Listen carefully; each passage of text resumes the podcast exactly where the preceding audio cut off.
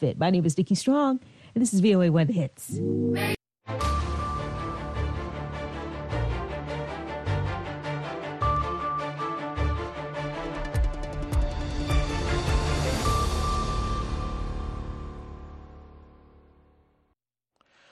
Halkani waa washington laanta afka soomaaliga ee v o a oo aad ka dhagaysanaysaan mawjadaha gaagaaban f m yada geeska africa iyo bogga internetka ee v o a somaly com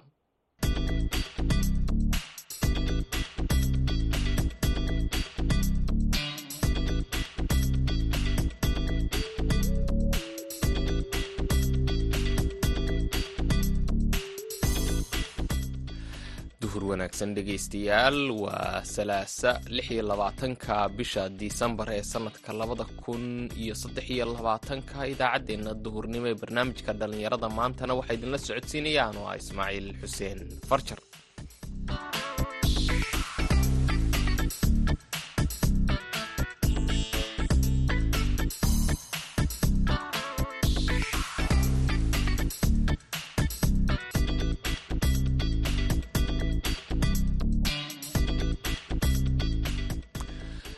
saacadda afrikada bari waxay tilmaamaysaa koodii iyo barhkii duhurnimo qodobada aan idinku hayno. Idaacaddeenna duhurnimo ee barnaamijka dhallinyarada maantana waxaa ka mida wacyigelin ku saabsan tacadiyada ka dhanka ah haweenka oo laascaanood laga sameeyey gabadhu inay sheegto tacadi loo geysta aad bay u adag tahay oo dee faamilkii iyo inagu waxaynu naqaanaa geed hoosta in wax lagu dhameeyo laakiin annaga lafteedu waxaanu soo wadnaa barnaamijyo wacyigelin oo lagu wacyigelinaya hablihii inay ku dhiiradaan inay looyar qabsan karaan inay maxkamad tegi karaan.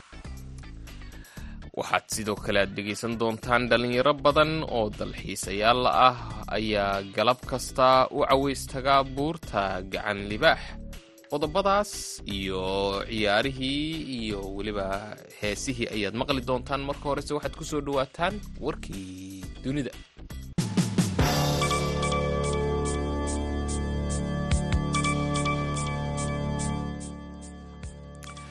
Ciidamada maraykanka ayaa weeraro ku qaaday kooxo maleeshiyaada ah oo ay iiraan taageerto kuwaas oo ku sugan dalka ciraaq tallaabadan ayaa maraykanka uga fal celinayay weeraro loo adeegsaday diyaaradaha aan duuliyaha lahayn kuwaas oo geystay khasaare ay ka mid yihiin dhaawac soo gaadhay ilaa saddex ka mid a shaqaalaha ciidamada maraykanka. Xogayaha difaaca ee maraykanka ayaa bayaan uu soo saaray ku sheegay in weerarada lala bartilmaameedsaday ilaa saddex goobood oo ay isticmaalaan kooxda kataa'ib xisbullah iyo weliba kooxaha kale ee gacansaarkala leh afhayeen u hadlay golaha amniga qaranka ee maraykanka ayaa sheegtay in kooxda kataibo xisbullah in ay qeyb ka tahay dallad ballaadhan oo ay ku jiraan maleeshiyaadka taageerada ka hela iiraan maraykanka iyo ciidamada isbahaysiga ee ku sugan gobolkaas ayaa halkaas u jooga howlgalka ka dhanka ah kooxda isis ee ka dagaalanta ciraaq iyo syriya ciidamada cirka ee israa'iil ayaa duqeyn ku dilay sarkaal sare oo ka tirsan ciidamada iiraan kaas oo ku sugnaa magaalada dimashik ee dalka syriya sida ay baahisay warbaahinta iiraan. Genaraal razi mousafi ayaa wakhti dheer la taliye u ahaa ciidamada ilaalada kacaanka ee sida milatariga u tababaran ee ku sugan syriya weerarkan ayaa ku soo beegmaya xilli ay sare u kacday xiisadda ka aloosan xuduudda lubnaan iyo syriya ama lubnaan iyo israa'iil halkaas oo ay rasaas isku weydaarsadaan labada dhinac. Kooxda xisbullah ee gacansaarka la leh iiraan iyo ciidamada israa'iil waxaana laga cabsi qabaa in dagaalka ka socda khaza inuu ku faafo gobolka oo dhan. Israa'iil ayaa sidoo kale isla bishan waxay weeraro cirka ah ku dishay laba jenaraal oo kale oo iyana ku sugnaa syriya ciidamada milatariga ee israa'il iyo warbaahinta syriya midna kama hadlin weerarkan. Dhegeystayaal intaas waxaa naga eeg idaacadda wararkii aan idinku soo gudbinaynay idaacaddeenna duhurnimo haatanna u diyaar garooba qaybaha kale idaacadda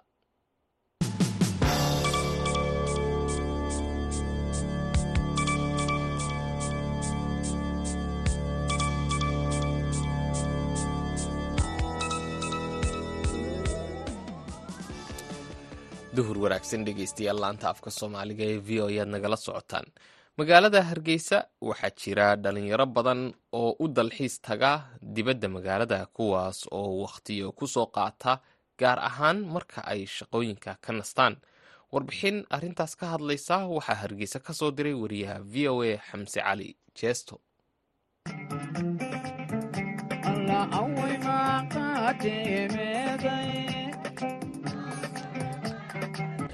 kabanka iyo codka hallaasiga ee dhegihiinna soo gaadhaya waxaa tumanaya dhallinyaro dalxiisayaal ah oo ku sugan dusha sare ee buurta gaclibax dhallinyaradan ayaa socdaal qaatay saacado badan ku soo gaadhay goobtan sarraysa ee dalxiiska iyo deegaanka kuucan bahdoon bisle wuxuu ka mid yahay dhallinyarada goobtan ku sugan wuxuuna ka soo safray magaalada hargeysa. Wuxuu ka sheekaynayaa dalxiiska dhallinyarada iyo faa'iidada uu leeyahay. Su'aasha marka joogan dhallinyarada dalxiiska wuxuu leeyahay faa'iidooyin badan oo aynu ka xusi karno dhowr qodob oo aada muhiim u ah. Mida koowaad waxa weyaan dhallinyarada dalxiisku faa'iidada uu leeyahay kow inay waayo aragnimo ay ka helayaan oo deegaan aanay hore u ay tegayaan oo dad soo baranayaan oo dhir soo baranayaan oo dhacdooyin deegaankaasi ku dhacay dadkii ay ka baranayaan. Midda labaad waxa weeyaan dhalinyaro ay ka faa'iidayso dalxiiska inay tagaan in stress uu yahay ama maskaxdooda isku buuqa magaalada ka jirta dhalinyaradu ay kaga maarmayaan oo jawiga cusub ay soo qaadanaya oo noqonay mid dareenkooga aada u qurxiya. Maalmaha dambe dalxiiska kadib qofku si niya samaana firfircooni leh shaqooyinkiisi qofku ugu qabanayo. Mid saddexaad dalxiiska faaidle waxa weyaan dadkaas wada dalxiisay inay dhammaantood iyagu isbartaan oo connection ama xidhiir bulsho dhexdooda oo ka dhaco noloshooda waxtar u yeesha. Saddexaas qodob baa ugu mudan qofka dhallinyarada oo dalxiiska ka faa'iidaya dhanka kale bahdoon bisle wuxuu sharaxayaa noocyada dalxiiska goobaha loo dalxiis tago xilliyada la safro iyo jawiga dhallinyaradu ay ku soo qaataan goobaha ay tagaan iyo faa'iidada uu u leeyahay dhallinyarada. Waxaa dhaca dhallinyarada marka ay dalxiisayaan laba qaabba ugu waaweynta badan oo la dalxiis tagaa marka deegaan cusub la tegayo mid waxay dhalinyaradu dalxiisaan safar. Maalin ay dhamaystir ay qaadanayan ama go'aan oo aan la dhexaynin. Isla maalin inta la baxo dalxiiska la aado goobtii la doonayey wakhti maalinka lagu soo qaato kadib laga soo laabto maalinkaas. Qaybta ladan waxaan waa safar ama dalxiis loo dhexay habeennimo ama kambi noqonaya. Safarkan ama qaybtan dambe oo ah qaybta ugu xiisaha badan ama dalxiisyada ugu mudan dhallinyaradu isku raacaan. Inta alaabtooda diyaarsadaan waxay wax ku karsanayeen waxay ku madadaaloonayeen waxay u hooyanayeen oo dhan ay qaataan goobtaasi ay tagaan kadib habeenka u dhaxaan. Habeenka haddaba waxaa dhacay waxaa dhacay waxa ugu xiisaha badan ee dalxiiska dhexdiisa. Kow waxaa dhacay in dhallinyaradu qaaci tuntaan oo iyagu codkooga isku heesaan oo kabankaas loo tuma ku madaaloodaan waxaa dhacaysa in su'aalo iyagu isweydiiyaan waxaa dhacdada kale in xujooyin iyagu dhexdooda ay samaystaan waxaa dhacaysa noocyadii kala duwanaa giimika ama lagu ciyaar inay ku ciyaaraan in dumnad ciyaaraan inay jas ku ciyaaraan inay uuna ku ciyaaraan. Dhammaan waxyaabaha caynkaasoo kala duwan ay qaataan. Jawiga habeenkaasi ay dhallinyaradaas wada qaadanayaan waa dalxiiska nooca ugu mudan ama ugu xiisaha badan uguna xusuusta badan ee dhallinyarada ay qaataan ee kamika la dhahdo dhulka soomaalida ayaa leh goobo ku habboon in loo dalxiis tago sida uu sharaxayo ayaanla cabdiraxmaan beelood oo ah agaasimaha waaxda dalxiiska iyo asaarta qadiimiga ah ee somalilan waxaa jira goobaha dalxiiska iyo asaarta qadiimiga waa boqoliyo lix lixdan goobood boqoliyo lix lixdan goobood goobaha ugu muhiimsan haddaan dul maro. Waxaa ka mid ah gacanlibaax daalo sacadadiin qiblateenkii saylac dhagax kuure dhagax nebigalay dhagax maroodi. Goobo badan oo ilaa talaaxda ay ku jirto goboladii jamhuuriyadda somalilan oo dhan.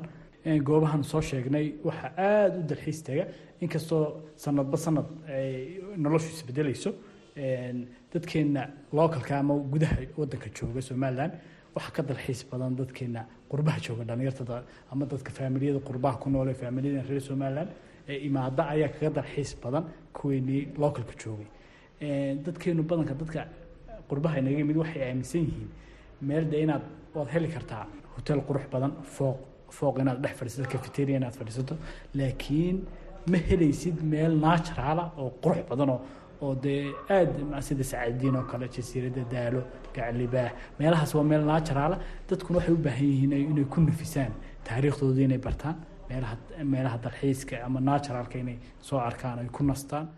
Geesta kale agaasime ayaanla cabdiraxmaan ayaa ku boorinaya dhallinyarada dalxiisayaasha inay ilaaliyaan aasaarta qadiimiga ah iyo goobaha loo dalxiis tago dhanka nadaafadda iyo bilicda dalka. Meesha wuxuu tegay qofku biniaadankii inuu ku soo nasto. Gaal iyo islaamba way tagaan marka inakuna maadaama dada islaamaan nahay dee inaan dhaqankeena wanaagsan sida nadaafadda aan ku dadaalno waa muhiim. Marka waxaan aada uga codsanayaa dalxiisayaasha jamhuuriyadda somalilan ama dadka gudaha jooga ama dadka dibadda jooga inay ilaaliyaan nadaafadda iyo bilicda meesha. Geesta kale waxaa jira shirkado ganacsi oo qaabeeya ama diyaariya safarada dalxiiska kuwaasi oo dhallinyarada iyo waayeelka qurbaha iyo qaranjooggaba u diyaariya goobaha loo dalxiis tago iyo safarada dhaadheer.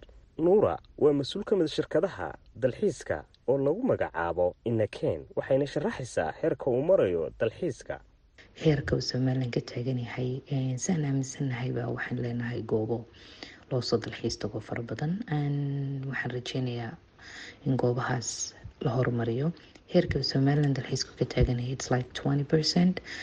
Anigoo oo adeegsanayana in laasgeel ay noqotay goobaha ugu taariikhda dheer ee loosoo dalxiis. Tagi karo geyga in aanu leenahay dekeda deked aada u weyn oo berbera oo iyaduna aada loo maalgeliyey inaynu leenahay zaylac oo masjidu qiblateyn magaalo aada u taariikhiya sacaadadiin inaan leenahay daalo also sheikh oo iyaduna magaalo aada u degan ah yacni waxaan leenahay also ceel garde oo meeshaas waa meel aada u taariikhi ah waxaa kulmay badii buurtii iyo saxarihii aan lama wada helo inagoo intaa adeegsanaynaba maanta waxaan ku faani karnaa in geyiga loosoo dalxiis tagi karo heerka ay dhalinyartu ka taagan tahay dalxiiskana waxa weeyaan in ay dhalinyartu ay yihiin wejiga dalxiiska leano maanta iyaga ayaa wadankooda ka gadi kara waddamada kale marka waxaan aniga ahaan aan aaminsanahay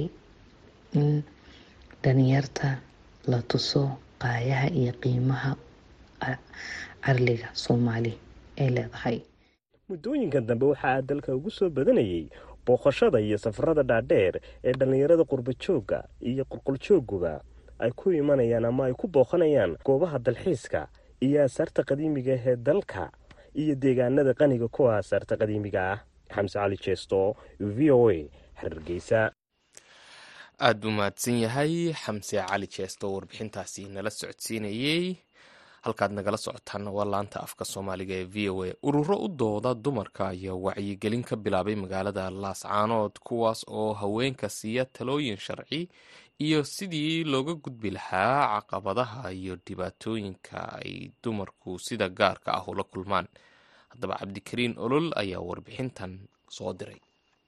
Ururada kala duwan ee haweenka magaalada laascaanood ee xarunta gobolka sool gaar ahaan haweenka ayaa bilaabay inay wacyigelin ka sameeyaan sidii gabdhaha dhallinyarada dhibaatooyinka dhanka ay la kulmaan bulshada dhexdeeda ay wacyigelin looga samayn lahaayeen. Hablahan ayaa waxay sheegeen in dhibaatooyin fara badan ee haweenka gaar ahaan gabdhaha dhallinyarada ay soo waajahdo. Roode xuseen maxamed ayaa sheegtay dhibaatooyinka tacadiyada iyo xadgudubyada gabdhaha ku yimaada inay wacyigelin kala duwan ay ka sameeyeen sidoo kalena iyagoo bulshada gobolka sool iyo kuwa soomaaliyeed baa fariin u diray sidii looga hortegi lahaa dhibaatooyinka kala duwan ee ay la kulmaan. Gabadhu inay sheegto tacadi loo geysta aad bay u adag tahay oo dee faamilkii iyo ina waxaynu naqaanaa geed hoosta in wax lagu dhameeyo.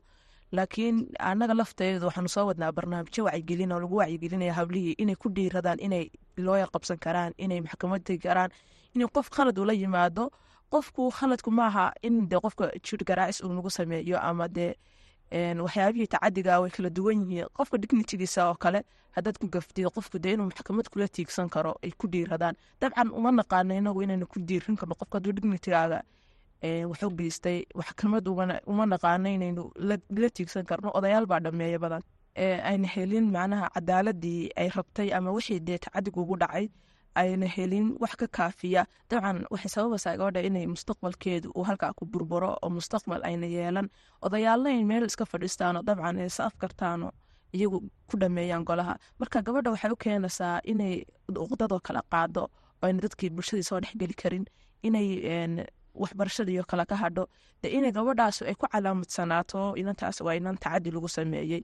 Waxyaabahaasna dee in waxay bulshada u baahantay in laga wacyigeliyo dee bulshada loo qabto baanalo oo lagaga hadlayo qofku dee wax way ku dhici karaan waxna wuu saameyn karaa ila waa bilaadan dadka dhan way khaldamaan. Laakiin qofkii hadeer tacadi ku dhaco qofkaas saas ugu calaamadsananaya oo reedho weligyaali cadaaladna ma helayo ma helayo xuquuq ma helayo wuxuu u baahnaa bal laga yaabaa in la takooro bulshadiina ay takoorto de qofkaas gacanta lagu fiiqo la dhaho hebla waxaasa ku dhacay odayaalna ayna ogoleyn macnaha inu qofkii loo caqaabo ama maxkamadda loola soo taago qofkii isaa ku sameeyey fariinta aad diraysaan maxaa ka mid a rooday fariinta aan u dirayo bulshada waxa weeyaan inay dhammaan ku dhiiradaan dabcan dee dumarka quriya lama tacadiyo ragga iyo dumarkaba tacadi quriyana dee maaha sharcigu laakiin meelo badan bu galaa dee in lagu dhiirado ama lagu kala baxaba. Selma cabdinuur ciga ayaa sidoo kale barnaamijka dhallinyarada laanta afka soomaaliga v o a u sheegtay inay had iyo jeer la kulmaan. Gabdho kala duwan oo dhibaatooyin ku soo dhacay ku soo bandhigaya baraha bulshada iyo goobaha ay dadku ay ku kulmaan kuwaasoo dhibaatooyinkaasi ay noqdeen kuwa halkaasi ay u soo doontaan xalka waxayna sheegtay in arrimahaasi ay dhibaatada ay sii kordhiyeen waxay sheegtay sidoo kale in muhiimadda koowaad ay tahay sidii xal looga gaari lahaa. Guurtida iyo odayaashuna ay u noqon lahaayeen kuwa cadaaladu raadiya haddii haweenka iyo guud ahaan gabdhaha iyo cid kastaba ay dhibaatooyin ku dhacaan sharciga loola tiigsan lahaa. Wallaahi aad iyo aad bay u fara badan yihiin haddeerta dumarka. Dhibaatooyinka soo bandhigaya ay marka hore qarsadeen stress iyo depression ku furay. Oo ka hadlaya ka sheekeynaya berihii bulshada waxaasna waxaa u sababa bulshada oo qofkii uusan sheegi karin faamilkiisa uusan u sheegi karin dadkii u dhowaa uusan u sheegi karin dhibaatadii oo la takoorayo qofka hebel waxaasa ku dhacday. Qofkii dhibaatada iyo tacdiyada u geystayna aan waxba laga odhanayno waxba laga sheegeynin amaba aan la ogeynba de qofkii dhibaatada u geystay. Qofkaas uu qarsanayo oo takoorka uu kaga bilaabanayo ciddii ula noolaa ciddii faamilkiisa ahayd. Marka aad iyo aad bay ugu badan yihiin social media iminka dumarka stresska depressionka haystaan kaa saaran yahay horta marka ugu horeysa dumarka soomaaliyeed fariintan u diraya waxay tahay in haddii dhibaatooyin iyo tacdiyaad loo geysta aysan la aamusin inay cadaalada la hortagaan ee aysan odayaal u dhiibanin cadaaladooda. Inay sharciga bartaan oo marka ugu horeysaba intaan shaqo la gaadhin ayagu ogaadaan xaquuqda ay leeyihiin inay difaacan karaan. Waxaan kaloo kula talin lahaa inaysan dhibaato marka loo geysta la aamusin. Ay gudbiyaan oo intay faamilkooda u sheegi lahaayeen ay meelaha cadaaladda iyo meelaha human rightska ay la hortagaan dhallinyarada aqoon-yahanada ee gabdhaha ee magaalada laascaanood ayaa dadaal ku bixinaya sidii kor loogu qaadi lahaa. Haweenka degmada laascaanood wacyigelin kala duwana loo samayn lahaa oo la xidhiidha siday haweenku qayb uga noqon lahaayeen inay soo bandhigaan dhibaatooyinka ku dhaca iyagoona dhanka sharciga u maraya cabdikariin nolol v o a magaalada laascaanood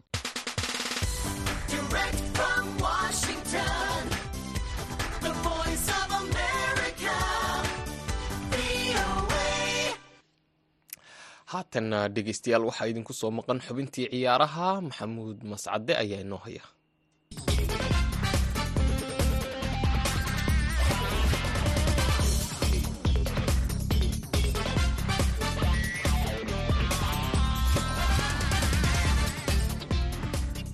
Kulan wanaagsan dhegeystayaal dhammaantiinba kuna soo dhowaada xubinta ciyaaraha. Waraalka waddanka ingiriiska ayaa galaya toddobaadyadiisa ugu xiisaha badan iyadoo maalmo kooban kulamo aada u badan ay kooxuhu ciyaarayaan.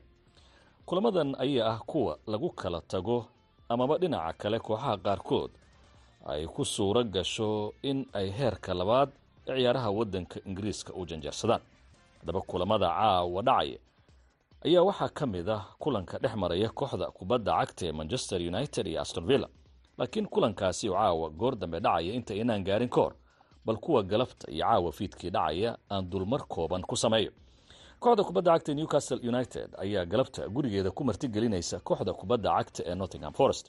Kooxda nottingham forest oo toddobaadkii la soo dhaafay guuldarro xanuun badan soo dhadhamisay macalinkoodiina shaqada ka erisay toddobaadkii kaa ka horreeyey ayaa marti u ah kooxda kubadda cagta ee newcastle united oo iyadu maalmahan ciyaaraheedu aanay wanaagsanayn. Kooxda kubadda cagta ee f c banmouth ayaa gurigeeda ku soo dhoweynaysa kooxda kubadda cagta ee fulham halka sheffield united ay kooxda kubadda cagta ee luton town kulmayaan. Labadan kooxood ayaa ka mid a kuwa haatan ugu hooseeya ciyaaraha dhinaca kala horeynta kulankan ayaana muujin kara ciddii guulaysata in ay dhibco wanaagsan ka qaadan karto kooxda kale. Kooxda kubadda cagta ee banley oo iyaduna ka mid a kooxaha ugu liita horyaalka waddanka ingiriiska ayaa liverpool martigelinaysa. Liverpool ayaa toddobaadkii la soo dhaafay gurigeeda guul laga horjoogsaday oo kooxda kubadda cagta ee arsenaal ay hal iyo hal barbaraha iskula ag kulankan ayaa laisweydiinaya haddii kooxda kubadda cagta ee liverpool ay ka soo kabsan karto gurigeeda kulankii arsenaal ay kula ciyaartay ee dhibcaha ku dhumisay. Halka banley macalinkooda combany laga yaabo in shaqada laga eriyo haddii aanu isbeddel ku samaynin dhinaca kooxdiisu haatan ay u ciyaarayso laakiin goor dambe oo caaw ah gegida old travord stadium waxaa ku kulmaya kooxaha kubadda cagta aston villa iyo manchester united kooxda kubadda cagta ee manchester united ayaa ku jirta kaalinta sideedaad ee horyaalka waddanka ingiriiska. Labiiyo toban dhibcood ayay ka hooseysaa kooxda kubadda cagta arsenaal oo horyaalka hogaaminaysa waxaana manchester united ay haatan la circiiraysaa guuldarrooyin iyo weliba wejigabaxyo ay garoomada qaarkood kooxdu ka soo qaadanaysay. Haba ugu dambeeya kulankii ugu dambeeyey ee toddobaadkii la soo dhaafay ciyaartay. Halka kooxda kubadda cagta aston villa toddobaadkii la soo dhaafay ee lumisay fursad ay hogaanka horyaalka waddanka ingiriiska ku qaban lahayd. Kadib markii ay barbaro soo qaadatay. Haddaba kulanka caawa kooxaha kubadda cagta ee manchester united iyo aston villa maxaa laga filaya ma aston villa dardarteedii soo celin doonta mise manchester united ayaa guuldarrooyinkeedii iska sii dhex dabaalan doonta? Cabdiraxiin kismaayo oo ciyaaraha falanqeeya kana tirsan telefishinka astaan ee ciyaaraha ka faallooda kuna sugan magaalada muqdisho ayaa barnaamijka marti uga. Cabdiraxiin soo dhowow manchester united iyo aston villa caawa. Labadan kooxood maxaa laga filayaa? Kulan nuuce ayay soo bandhigi karaan dabcan waa ciyaar caawa shan saac markii ay tahay geeska africa la daawan doono mascade garoonka manchester united iyo old trafford ayaan lagu ciyaari doonaa. Garoonkan wuxuu noqday dabcan. Mar waxaa loogu yeeri jira lamagalaay amaba garoon aad u adag oo kooxdii gasha isu ku soo adkaan karin. Waxaa u moodaa sanadadan ama sanadkan ma united dhibaatooyinka ay kow la tahaba in garoonkeedii ay burjiga ku lahayd kooxaha waaweyn iyo yaryarba isku si ay kooxdan loogu garaacay. Marka aston villa haddii aan eegna booska koowaad ayayba qaban kartay toddobaadkii hore laakiin sheffield ayaa bareejo hal iyo hal ku celisay. Man United iyo West Ham ayaa laba wax guuldaro kala soo kulantay. Aston Villa booska saddexaad ayay ku jirta oo weliba Liverpool oo labaad fadhida ay isku dhibcan yihiin oo farqiga goolasha keliya loogu sarayaa tirada labaad loogu fadhiya. Unitedna sideedaad ay ku jirtaa waxaa kaloo United la yaab leh mascade in shan gool oo deena ay kooxdan ku maqan tahay dhibcoodna booska sideedaad ay joogto. Halka Aston Villana koox ay Liverpool labaad joogta iyana saddexaad ay tahay min soddon iyo sagaal dhibcood ay wadaagaan. Marka Unitedka waa koox kan dhibaatooyin aad u xun ku jirta. Aston record gurigeeda marka la joogo sanadkan aad u fiican yahay. Halka Unitedka tan iyo kun sagaal boqol iyo soddonkii record xumo ah in lix iyo labaatan ciyaarood oo sanadka dhashay saddex iyo toban ka mid a laga adkaaday ku jirto. Marka tobaritaan farsamadii sanadkan wax badan inay ka khaldan yihiin aan wadaa marka mar walba unitedka waa laga cadacad yahay ciyaarta aduu soo koobaya manchester united caawa markaad fiiriso qaabkii u ciyaarayso wax guula gegideeda ma ku qaadan kartaa? Raje ma jirta? Walaa kooxda ay la ciyaarayaan marka loo fiiriyo hadda xidigan witkins oo nin halis badan ah aston villa united imri qaabka uu ku wado burjiga ay leeyihiin kaalinta ay joogaan moral ahaan kooxdan ay la ciyaarayaan. Marka manchester united gurigeeda haddii ay joogtay haddii ay banaan joogtaba isku si ayay u tahay awoodda guriga xataa aada u yaraatay. Marka sida cad caawa indhaha ciyaaraha labadan kooxood ay kuli jiraan sanadkan haddii aad ku fiirisid awoodaha magaca manchester united keliya markaa ka soo tagtid ciyaartan boqolkiiba boqol aston villa ayaa ah kooxda favorite-ka ah inay adkaan karto. Marka manchester united wax macnaa kuma fadhida caawa inay masrax riyada joogto iyo in villaburg ay joogto isku si ayay u tahaba laakiin waxaa cad cad ciyaartan sida muuqata bandhigyada kooxan oo ka cabir qaadanayna. In aston villa caawa ay tahay garoonka la joogo old trafford ah united aysan wax ku helin badanaa dhinaca saadaasha aad isku wanaagsan tihiin. Waxyaabahaad ku faantay ka mid tahay inaad ku wanaagsan tahay. Haddaan kula tartamo waxaad ku saadaalinaysaa kulanka caawa? Kulankan caawa inkastoo waxaas dhihi karaa taageeranimada koofida taageeranimada iska bixi. Aston villa labii hal ayay ku adkaan kartaa. Oo man united laga adkaan karaa tan hagna culeyska ku sii kordhin doontaa si ugu yaraan kooxdan ay maxaan ku irahdaay waxay ka mid ahayd heesiya lagu heesi jiro male allah iyo urub. Bixi marka xaaladda man united dhinacna u baxdo haddii guuldarada caawa ku sii badato. Aad aad baad umahadsan inkastoo hadda toddobaadkan ninkan la yidhaahdo sir jim isagana oo saamihii kooxda la wareegay ugu yaraan moralka waxun waa iska jijiraa laakiin man united waxaa loo badinaya jifta ku sii dhici karto taageeral badanna inay ku qanacsan yihiin la sii hagna arrintiisa dhinac u xirmato basadiisa oo marka horeba sii xiirnay boqolkiiba shan iyo labaatan saarka iibsashadiisu ma garan karo waxay manchester united ku soo kordhin karto oo malaayiin dollar qarash garaysay. Kana mida kooxaha ugu sarreeya markay timaado lacag qarash garaynta. Waayahay manchester united iyo aston villa caawa ayaan arki doonaa cidda ay guushu raacdo iyo halka ay ku dambayso maalmihii wejigabaxa lahaa ee kooxda kubadda cagta manchester united. Waa tahay dhegeystayaal inta ayaan ku soo gabagabeynaya xubinta ciyaaratan ee kulan dambe oo mascad idinku dhaafaya sida iyo nabadgelyo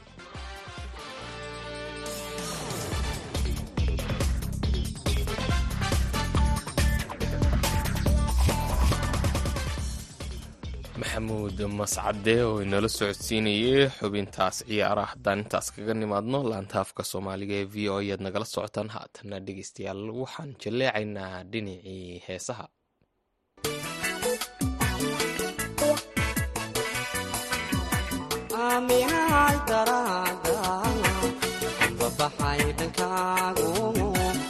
iridaha wadnahayo ku furan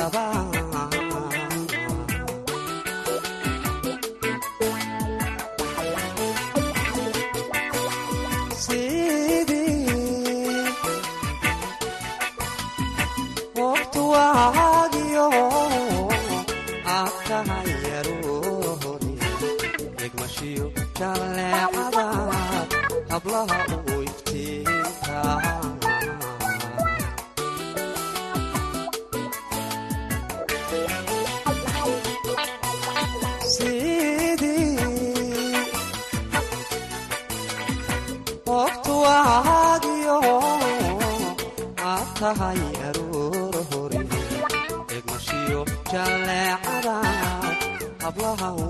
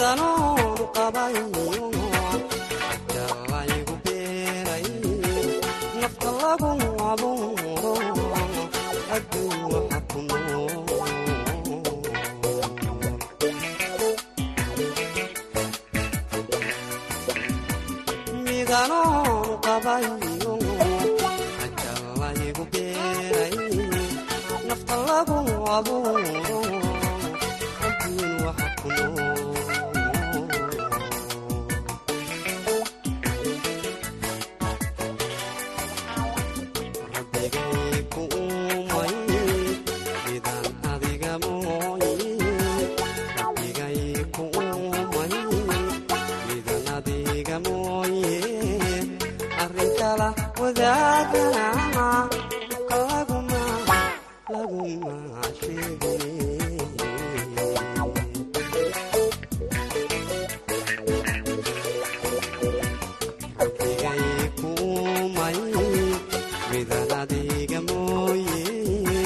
rabbigay